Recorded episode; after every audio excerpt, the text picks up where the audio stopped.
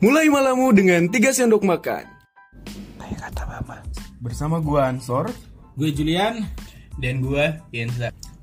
Jadi gini, karena kita punya kepentingan masing-masing di Bali dan akhirnya kita ketemu di Bali di kosan yang sama, lalu gabut, kita memutuskan untuk buat podcast ini.